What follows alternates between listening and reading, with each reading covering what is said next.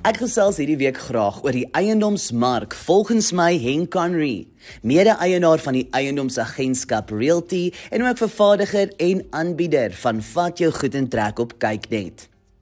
Dit word verwag dat die eiendomsmark vir die res van die jaar gedemp sal bly as gevolg van faktore wat die industrie beperk.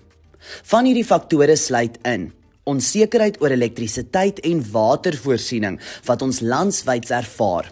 Die afname in die eiendomsmark aktiwiteite wat gedryf word deur die ekonomie wat stadiger groei en wat 'n direkte uitwerking op werkloosheid en laer lone het. Nog 'n faktor is die toename in lewenskoste wat verdere druk op huishoudings plaas en hoë rentekoerse wat dit duurder maak om geld te leen vir die koop van 'n huis. Asook huispryse wat stadiger groei as die tempo van inflasie. Maar alles is ook nou nie net negatief nie. Daar is ook goeie tekens wat voorstel dat daar 'n meer optimistiese uitkyk is vir die komende jaar. Vir een ding is daar 'n groot aanvraag vir eiendom vir kommersiële gebruik. Ons sien ook die aanvraag by internasionale kopers.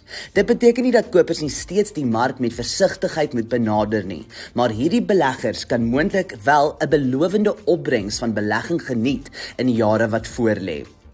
Die middelklas is tans veerkragtig, aangesien die mark voordeel trek uit 'n meer aktiewe informele ekonomie, as ook kopers van hoër inkomste groepe wat daarna kyk om af te skaal.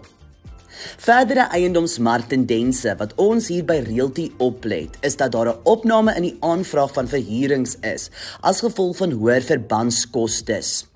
Kopers wat hulle fokus eerder op bekostigbare eiendom plaas in areas met goeie skole en geriewe. En ons sien ook 'n opname in kopers wie eiendomme aanskaf vir beleggingsdoeleindes, aangesien verkopers 'n noodeiendom vir goedkoper moet verkoop omdat daar tans minder kopers in die mark is. Daar word wel verwag dat die eiendomsmark in 2024 gaan verlangsaam met huispryse wat of staties gaan bly of gaan afneem. Maar boonbehalwe dit is daar ook rede om positief te wees. Met kenners wie voorspel dat die Reserwebank die verhogings van rentekoerse sal staak in die eerste kwartaal van die nuwe jaar, wat dit makliker gaan maak vir mense om geld te leen vir 'n eiendomsbelegging.